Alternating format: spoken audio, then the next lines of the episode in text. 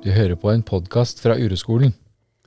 Hei, og velkommen til Samtaler med Kaspar. Eh, Jeg, er, jeg heter Kaspar Seip. Jeg er urolærer på Ureskolen. Og i dag i podkaststudio har jeg med meg en annen urolærer på Ureskolen som heter Monica Stubbkjær. Og vi sitter og skal lage podkast fordi vi har fått et brev. Og det kan du lese om, Monica. ikke sant? Velkommen i podkasten min. da. tusen takk. Tusen Det er jo min podkast, dette her. Ja, det er din podkast. Ja, ja min, min egen podkast. Jeg skal ikke ta over din. Ja. Det er hyggelig å ha deg med i podkasten. Ja, det er gøy. Veldig. Ja.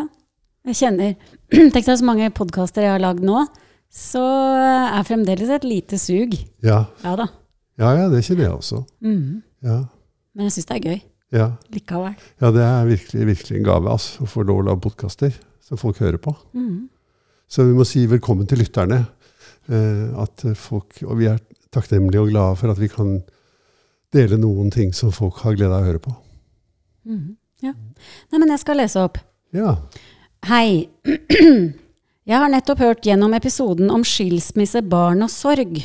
Ja. Det var den du lagde med Camilla. ja. Mhm. Selv bor jeg sammen med en mann, og vi har to barn. De siste åra har vært veldig ugreie. Ungene er redd for temperamentet til faren sin, og vi er alle ganske prega av det. Når, han, når jeg leser og lytter til podkast om tema skilsmisse, så ser jeg ikke at disse forholda blir belyst. Kan dere lage en episode om det? For jeg blir i forholdet for ungene sin skyld. Fordi jeg tror det er bedre at det er noen der hele tida, og ikke bare 50% Men jeg kan selvsagt ta feil. Med vennlig hilsen ivrig lytter.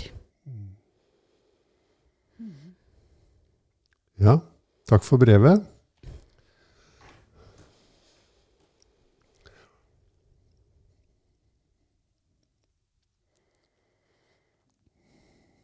Det første som jeg har lyst til å ta tak i det brevet, det er ungene er redd for temperamentet til faren sin.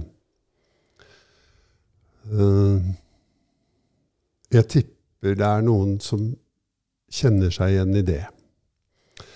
At de tror av kvinner som hører på, og det er jo faktisk flest, kvinner som hører på våre podkaster, eh, men også menn tror på at, unge, at ungene er redd for faren sin.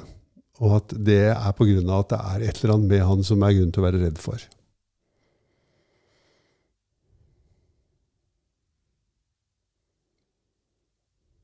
Hvis vi skal prøve å ta et uroperspektiv på det, da, så vil det være å si um, til hun som skriver, for det er henne vi snakker til um, Hvorfor er det så viktig for deg at barna dine er redde for faren sin? For det er jo en virkelighet som du har vært med på å skape. 50% av den virkeligheten har du vært med på å skape. Og 50% av den virkeligheten, hvis det er sant, da, og det går jeg ut fra, egentlig, at de er det. Det hadde jo vært veldig lett, lettere å forstå, på en måte, for det er mange som tror på det at ja, men barn er redde for sterkt temperament, eller sånn. Og så det er grunn til det, liksom. Men uh, det hadde vært lettere hvis det var f.eks. barna er redde for um, gullfisken vi har i den bollen der borte. Så ser man det er fullt mulig å gjøre barn redde for gullfisk hvis man går inn for det. Ikke noe problem. Er du med på det? Ja. Mm. ja, helt det- sikkert. Ja, og Ja. det er fullt mulig å gjøre barn redde for faren sin hvis man går inn for det. Så for meg så uh, er det der jeg vil legge den første fokuset, da. Så tror du ikke hun ville spurt da, men mener du at det er min skyld at ungene er redd faren sin? Jo, veldig sannsynlig. Mhm. Og da kan vi jo Jeg tror vi har sagt det mange i podkaster, at når vi snakker om dette, så er det ikke for at det er noens skyld, for jeg vet ikke, jeg vet ikke om hvem sin skyld det er, og jeg tror ikke at det er noe interessant eller nyttig perspektiv at det er noens skyld. Jeg er sikker på at det er flere som føler seg skyldige her, men det er noe annet enn at det er noens skyld. Det er som det er. Eh, og den virkeligheten som finnes, den er skapt av dere. Og er, det er jo de voksne som må ta ansvaret for den virkeligheten, og ikke barna. Barna er mer De er på en måte de blir ført inn i de voksnes virkelighet. Og den virkeligheten er at eh, enten mor, eller kanskje både mor og far, er enige om at fars temperament er et problem, og at det er farlig. Jeg har levd eh, på Sicilia, jeg. Eh, altså øya Sicilia i Italia har jeg levd i eh, et drøyt halvår. Og det var ja, det er mange år siden. Da var jeg sånn eh, Det var lenge før jeg begynte å snakke om disse tingene her. Og jeg eh, opplevde jo Jeg var redd for sicilianernes temperament. Jeg syntes det var veldig ubehagelig at de var eh, så temperamentsfulle. At de skrek til hverandre på gaten og sånn, og skjelte hverandre ut. Liksom, der hvor det var trange smug det hørtes, Jeg var jo ikke noe særlig god i siciliansk, så jeg vet ikke hva de sa, men det hørtes ut for meg som de kjeftet på hverandre tvers over gaten, liksom. Uh, og, og det gjorde meg veldig urolig. Og det problemet løste jeg ved, inni meg selv ved å se på dem som ko-ko. De er jo helt ko-ko, de skjeller hverandre ut over gaten, liksom. Det var en fin løsning for meg, hva? For da kunne jeg slippe å ta ansvar for det, den uroen jeg følte overfor deres temperament. For det er ikke sant at det norske temperamentet, det kontrollerte og tilbakeholdte, er eneste mulighet for menneskene. da. Jeg tror det er veldig mange typer temperament som egentlig er mulighet for menneskene. Så vi er redde for temperamentet. Hvorfor er vi redde for det da, tror du? Altså, jeg, jeg tror at jeg var redd for siciliansk temperament fordi at det høres ut som sinne. Og sinne er jo ment å skremme. Det er funksjonen til sinne, så å si. En av dem, i hvert fall. Uh, og det å venne seg til sinne, og det å tåle andre menneskers sinne, det er jo en veldig fin ting. Tenk å ikke bli noe redd for andre menneskers sinne. Det, det må jo være fantastisk. Jeg må si at jeg har vært veldig redd for andre menneskers sinne. Jeg kan være det fremdeles også. Hvis det kommer brått på og sånn, eh, og er kraftig, så eh, reagerer kroppen min. Jeg er vokst opp i en kultur med veldig tilbakeholdt sinne. Men jeg er også vokst opp i en kultur hvor eh, den eneste som egentlig viste sinne, var faren min. Og hvor det var veldig lite velkomment. Altså hvor, hvor moren min eh, var veldig kritisk til faren min sitt sinne. Jeg kan veldig godt huske det, at jeg også trodde at det var veldig, veldig feil å være så sint som han var. liksom. Ja. For hjemme hos oss er det jeg som har vært sint, da. Ja, Og det er ikke lenge siden vi snakka om at det At Ivar syntes det var ubehagelig, men han klarte ikke å gjøre noe med det. Og at det jo ikke burde være sånn. mm. Men Ja. Og den skammen jeg følte over at jeg var veldig sinna, det bidro ikke akkurat til at jeg ble noe mindre sinna, kan du Nei. si. Nei, Nei. så kan man si det. Det er engelsk humor. Ja. ja. Jeg er enig.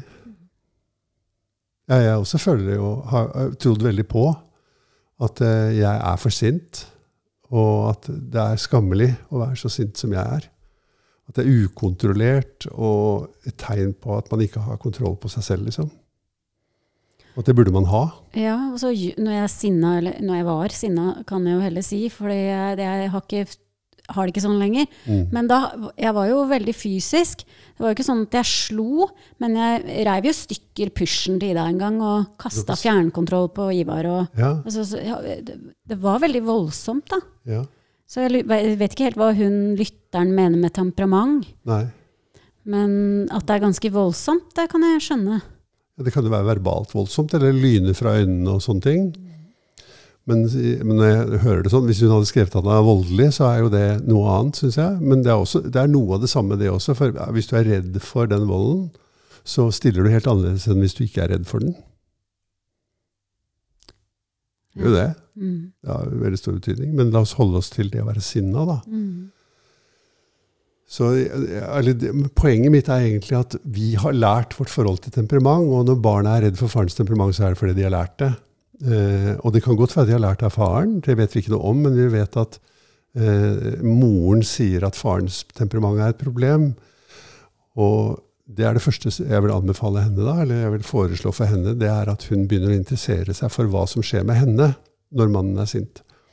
Og um, istedenfor å kritisere han for å være sint, hva er det som skjer med meg når han er sint? Og det er jo en vanskelig jobb, for man blir redd.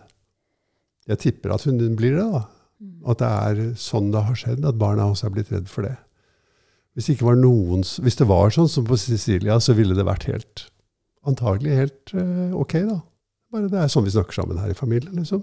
Vi kjefter litt hver dag. Big deal. Ja, det er sant. På Cecilia så kan det hende at de eh, At det er vanskelig hvis man ikke har det temperamentet. Ja. ja, altså jeg hadde jo full kontroll på temperamentet mitt på Cecilia, da, og det var jo på en måte rett og slett vanskelig fordi jeg var redd for andres temperament, for jeg syntes det var altfor mye. Og lå lavt og passet på at jeg ikke provoserte noen og sånn. Men vi er jo, altså det er jo ganske ens rundt i samfunnet at man ikke skal ha det temperamentet, da, at det ikke er bra for ungene. Ja, ja, det er en kulturell sak. Det er, det er noe vi er enige om i hele vårt samfunn. Men det betyr ikke at det er sant eller riktig. Det betyr bare at vi er enige om det. Det er mye rart vi er enige om som ikke egentlig er sant eller riktig. Det har ikke noe med det å gjøre. Det er, bare, det er sånn man danner samfunn. Det er sånn man danner kultur. Det er at man, kultur er det vi er enige om, det. Og så det vi, det vi ikke er enige om, det skaper jo uro. Selvfølgelig. Men jeg kunne tenke meg hvis denne brevskriveren hadde kommet til meg, så ville jo jeg gitt henne en oppgave. Først, først å undersøke veldig grundig hva er det egentlig som skjer med meg når mannen min er sint, eller når jeg tror at han er sint, når jeg ser han som sint. Det er det første. Og det andre er å si til barna og si til mannen at jeg blir veldig redd, for redd når du er sint. Og jeg har hele tiden trodd at det er ditt ansvar. Men eh, jeg ser nå at det er mitt ansvar at jeg blir redd. Det er mine følelser. Det er jeg som har lært å være redd for sinne, og det er jeg som må gjøre noe med det. Istedenfor at jeg går rundt og trimmer deg og spotter deg og snakker nedsettende om deg og mann eh, til barna. Um, um, har en, en, greie gående på at du er feil og jeg er riktig. At jeg vet hvordan du burde være. Alt det skal jeg nå legge fra meg. Du skal få lov å være som du er, og jeg skal ta med av de vonde følelsene jeg har knyttet til hvordan du er. Den oppgaven ville jeg gitt henne. Og det er jo en vanskelig oppgave, for du klarer ikke fake det der. Du må liksom først uh, se godt inn i den frykten og romme den uroen som sinnet skaper. Da. Og det trenger man veldig ofte en veileder til, en lærer som kan hjelpe en, støtte en, holde en på sporet, holde en på stien, mens man undersøker det der. Mm. Fordi det sinnet hennes kommer jo antageligvis til å si at men det er ikke bra for barna, det er ikke bra for barna, det er ikke bra for barna. Ja. Og snu det ja. er ikke, Det er ikke noe lett oppgave, det. altså. Nei, det er ikke det. Nei. Så da, i dette forholdet så kan vi jo si at barna blir brukt i konflikten mellom mor og far. Eh, så akkurat sånn som du sa det nå. At de blir på en måte en deltaker i noe som egentlig er dynamikk mellom mor og far. Og hvor mor, fars, en liten del av fars del, eh, en liten del av fars um, part i dynamikken er at han uttrykker sinnet sånn som han gjør. Og en liten del av mors part i dynamikken er at hun er redd for det. At det vekker redsel i henne, da. Nå er det jo også sånn at uh, hvis jeg hadde snakket med den faren, så ville jeg spurt han hvordan er det egentlig å være deg i nanosekunder før du blir sint. Og min erfaring er at jo, i det nanosekundet så jeg, er det veldig ubehagelig å være meg. Og det ubehaget har, mye, har egentlig har ikke noe med sinne å gjøre. Det er et ubehag som handler om uh, usikkerhet eller um, uro. Sånn at veldig ofte så kan vi se på sinne som en slags uh, førstelinjeforsvar som er fight. Det er et fight-uttrykk. Når vi blir urolige og redde, så går vi fight, flight eller free. Så når man blir sinna, så er det veldig ofte et uttrykk for at man har et system som faller inn i det programmet som fight for å overleve er. da. Og da viser man sinne. Mens folk som er veldig eh, aggresjonshemmet, sånn som jeg er, faller mye mer tilbaketrekning, f.eks. Eller passivitet. Kanskje fryser. Blir, eh, går i sjokk nesten når noen er sinna da. Men jeg husker jo at når jeg var sinna, og Ivar tok den rollen som å gå i frys, da, som han Ja. gjør, eller en, en fight, kan- nei, flight, Ja, sant? så blir jeg enda mer Si. Sinna. Mm. Mm. Det trigger så innmari. Ja. Det der, da. Ja. Men det du blir, er jo enda mer urolig. Ja, ja. Og så kommer det uttrykket, eller det kommer og uttrykker seg som sinne. Mm. Eh, faen, ta denne virkeligheten, sier det sinnet, ikke sant? Der ute. Og denne lytteren, hun, hun skriver jo at hun blir i forholdet for ungenes skyld. Mm. Det er jo punkt to da i det brevet som jeg syns er viktig. da. Mm. Ja, fordi at hun, hun skriver det er bedre at noen er der hele tida, og ikke bare 50 Mm. Men jeg kan selvsagt ta feil. Ja. Jeg har en liten anelse om hva som kommer, kanskje. ja. Mm. Så hvordan er det å bli i et forhold for barnas skyld? Ja. Hvordan, eh, vi kan starte med et spørsmål. da. Hvordan er det å være det barnet som er årsaken til at mor blir i et forhold, forblir i et forhold som hun ikke vil ha? For det er jo det hun sier. At jeg legger det ansvaret for barna mine. Eh, Jeg må det for deres skyld. Og det er jo et tungt ansvar å bære for et barn, tror jeg. Så jeg foreslår at hun starter med å ta ansvaret hjem igjen og si at det er jeg som velger å være her. Eh, eller det er jeg som blir her. Eh, og det er helt og holdent mitt ansvar. Og det er ingenting med barna mine å gjøre. Jeg bare trekker barna igjen inn i samlivet og samspillet med mannen min for å slippe å møte at jeg har et ansvar i mitt liv.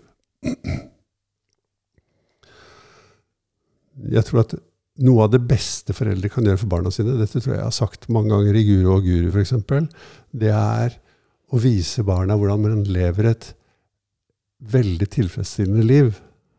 Et liv hvor man ikke er et offer for andre, sånn som hun her antyder at hun er. Men uh, hvor man sier jeg, 'det er jeg som bestemmer i mitt liv', og 'jeg har ansvar for alt som skjer i mitt liv'. Når foreldre har en sånn holdning i livet og viser den til barna, så tror jeg det gjør barna veldig godt. da. Mens når foreldre eh, står frem for barna sine som offer for virkeligheten, altså for omstendighetene, at jeg må ditt og jeg må datt, jeg må jobbe i en jobb jeg ikke liker, jeg må være sammen med en mann eller en kvinne som jeg ikke er glad i, Eh, jeg har for lite penger, jeg har feil bil, jeg har feil båt, jeg har feil fly, jeg har feil liv. Eh, og jeg klarer ikke å gjøre noe med det. Så, veldig, så er det en form for arvesynd som går i arv. Akkurat som arvesyndfriheten, altså det å ikke føle seg som et offer, også går i arv. Tror det er veldig bra å lære barna sine hvordan skal de ellers lære det, liksom? Om det ikke bare er foreldrene. Hvis foreldrene er misfornøyd med livet, så blir barna også misfornøyd med livet. Eventuelt helt til de klarer å fri seg fra den si, hammen der da, som ligger over oss. Det er en slags sånn, Nesten som en sånn eh, Hva heter det da? En sånn eh, eh, At noen har kastet en forbannelse på oss, ikke sant? Som ligger over oss og som gjør at vi stanger hodet i et liv som er urettferdig og urimelig og vondt, og ikke kan gjøre noe med det. Det er ganske mange som har det sånn. Ja, Som jeg vil sånn. tro det. Jeg har Mm. hatt det sånn, jeg i hvert fall. Ja, jeg òg. Ja. Det er, noe, det er ikke noe godt å ha det sånn, og det er ikke noe godt å være barnet til noen som har det sånn. For jeg tror det er veldig mange som har opplevd det også. Å være barnet til noen som har det sånn. Men det er vanskelig å vite hvor man skal begynne. Ja? Hva, hvordan begynner jeg? Hva begynner jeg med å gjøre, liksom? ja. Det er, det er der eh, jeg tror at uroperspektivet er bra. Da. Urolæren, praktisere urolære, tror jeg er veldig bra. For da begynner man bare med å ta oppmerksomheten tilbake til seg selv og si når virkeligheten er som den er, mannen min er sånn som han er, økonomien er som den er, hva er det jeg kommer i kontakt med da? Er det behagelig eller ubehagelig å være meg da? Og det er det jo ofte veldig lett å svare på, for det er klart det er ubehagelig. Og da faller vi jo veldig fort inn i en diskusjon om hvorfor det er så urovekkende eller, eller så ubehagelig. Denne virkeligheten er det, og det er jo, alle er jo på en måte enige om at det er ubehagelig. Det er bare at det er ikke noe hjelp i det. Det som er hjelp i, er å vende seg innover og si ja, men hvor er det jeg kjenner det ubehaget? Kan jeg, være sammen med det og gi det plass i livet mitt. Og hvis de som hører på denne podkasten, prøver ut det, så vil de bli veldig overrasket over hvilke muligheter det gir i livet. da. Ikke prøve å løse problemet, men isteden vende seg mot den utvidede virkeligheten som er å ta de følelsene på alvor, og ta ansvar for de følelsene. For de følelsene er dine. Alle følelser du har i forhold til mannen din, er dine. Og de er ditt ansvar. Hver gang du tenker at det er hans ansvar, så stivner du og stopper å utvikle deg. Og hver gang du tenker at det er ditt ansvar, og jeg tør å vende meg mot de følelsene og undersøke de skikkelig godt, da kommer du til å flytte grenser inni deg selv og bli et rikere og mer tilfreds menneske. Og det er jo kjempegøy, og det er det vi gjør på juleskolen. Det er det vi lærer, og det er det vi øver oss på, vi som er her. Alltid. En av de måtene vi øver oss på det, er jo å lage podkaster. Fordi vi går inn i noe som vi syns Vi vet ikke riktig hvordan vi skal gjøre det, og vi føler oss usikre. Og det er ubehagelig å skulle lage podkast. For meg i hvert fall så er det enda Jeg har fått såpass mye trening i å lage podkast at jeg, det er, mange ganger er det ikke så veldig ubehagelig. Det er egentlig bare moro. Så som nå er det ganske moro, syns jeg.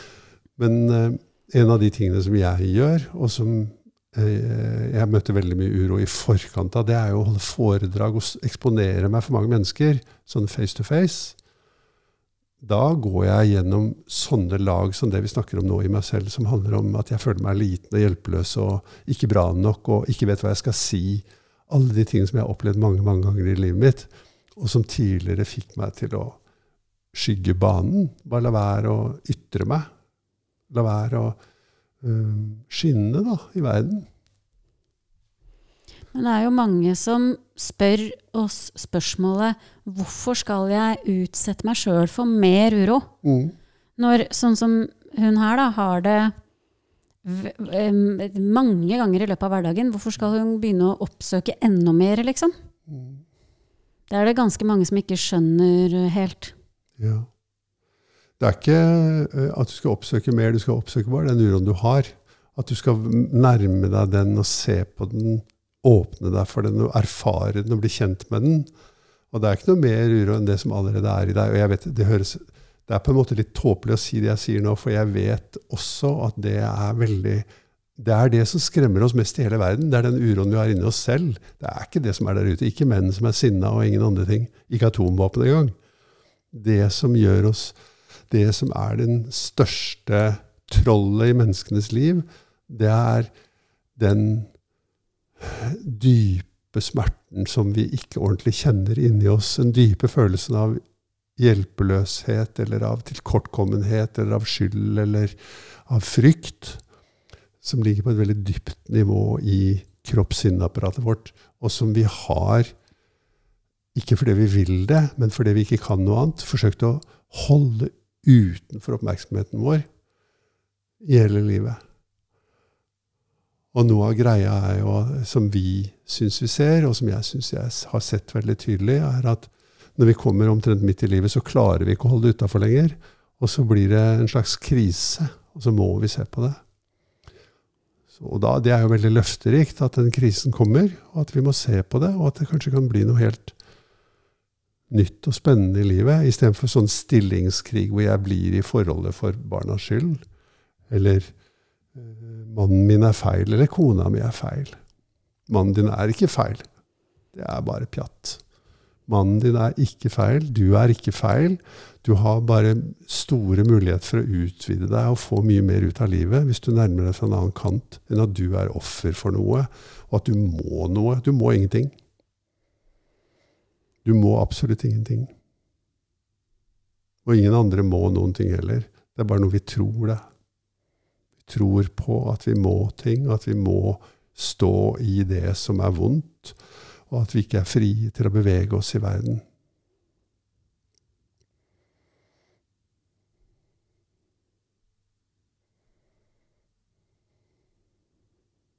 Men vi må jo Noe må vi jo.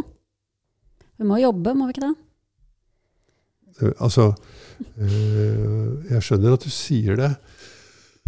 Eh, men det er, det er, forskjellige tilnærminger til det. Jeg syns egentlig å ha en diskusjon om vi faktisk må det. For alle ser jo det, at jeg må jo ikke det. Jeg kan jo bare legge meg ned og vente på at jeg dør, f.eks.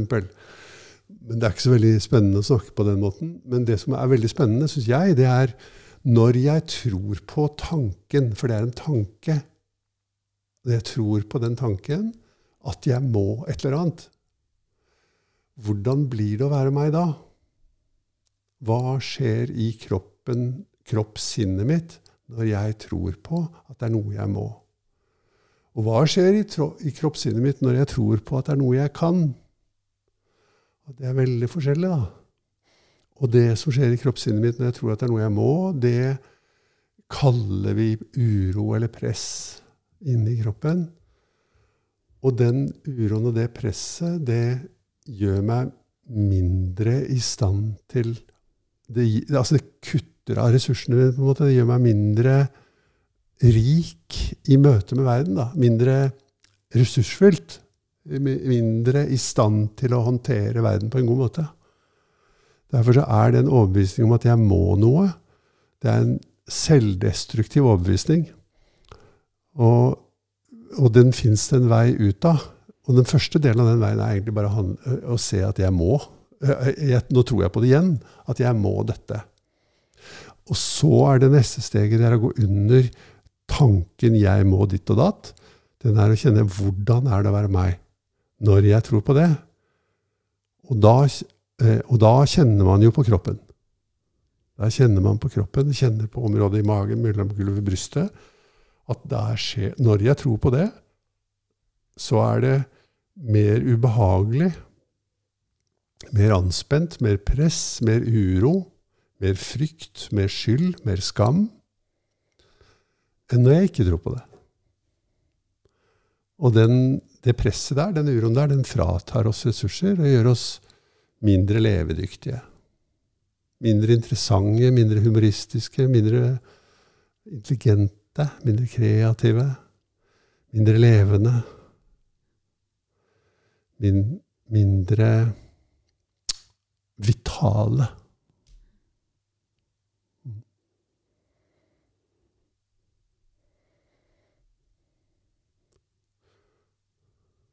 Du, men det er jo også sånn vi pleier å gjenta det også, at hvis du går rundt og tror at du må ting, og du syns det er en fin måte å leve livet på, så syns jeg du skal fortsette med det.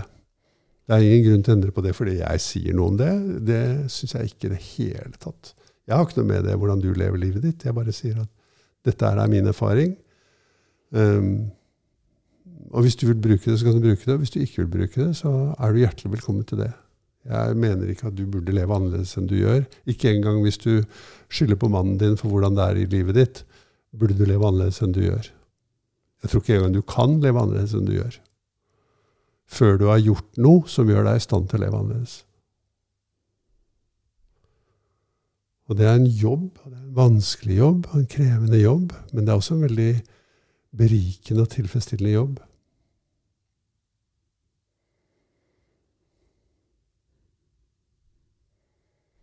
Så du kan jo se.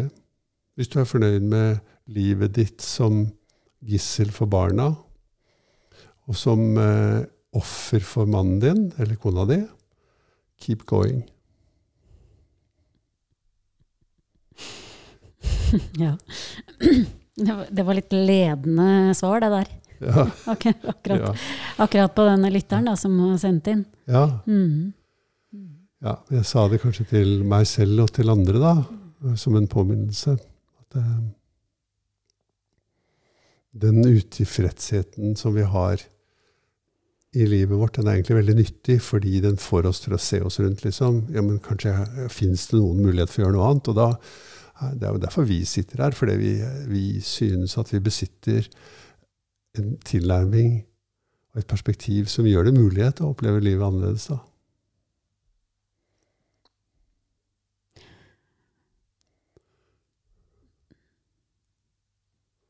Jeg tror det er derfor det er så mange som hørte på Guru og Guru. Ja. Og i hvert fall husker jeg at det var et eller annet som traff. Det var så forfriskende at du er så tydelig. Sånn som på det, Nå har det vært veldig tydelig, men jeg mener jeg i hvert fall. Det var så forfriskende å, at, å snu perspektivet og bare, bare se Går det an å se ting på en annen måte. Eh, Det er det alle som kommer til oss sier. Det treffer så innmari det der. Mm. For det vi har gjort hittil, har ikke funka, da. Det å mene at ingen må være sinte, og at barn ikke må være redde, og ikke sant? Mm. Mm. Det er en veldig forfriskende måte å se ting på. Også når du skal begynne å jobbe med det sjøl, så er det overraskende vanskelig. Ja. For sinnet tar liksom over Ja. hele tida. ja. Det ramler inn i det gamle, liksom. Ja, og så Ja. finner han nye måter å hakke på, eller hva jeg skal si. Ja. Sånn at den liksom Den tuner litt inn for å treffe best mulig. Mm.